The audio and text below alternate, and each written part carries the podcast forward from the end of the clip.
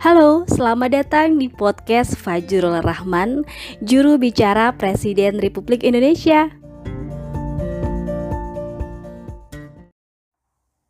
Hari ini, tim kami ikutan jalanin social distancing dengan cara stay at home.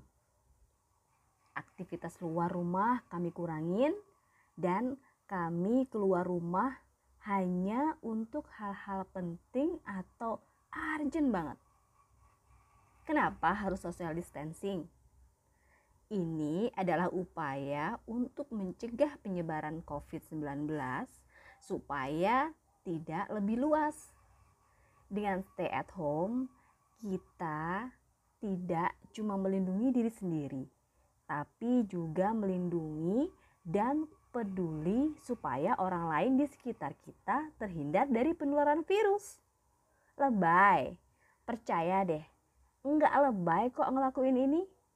Ini tindakan yang akan membawa dampak besar kalau kita melakukannya secara bersama.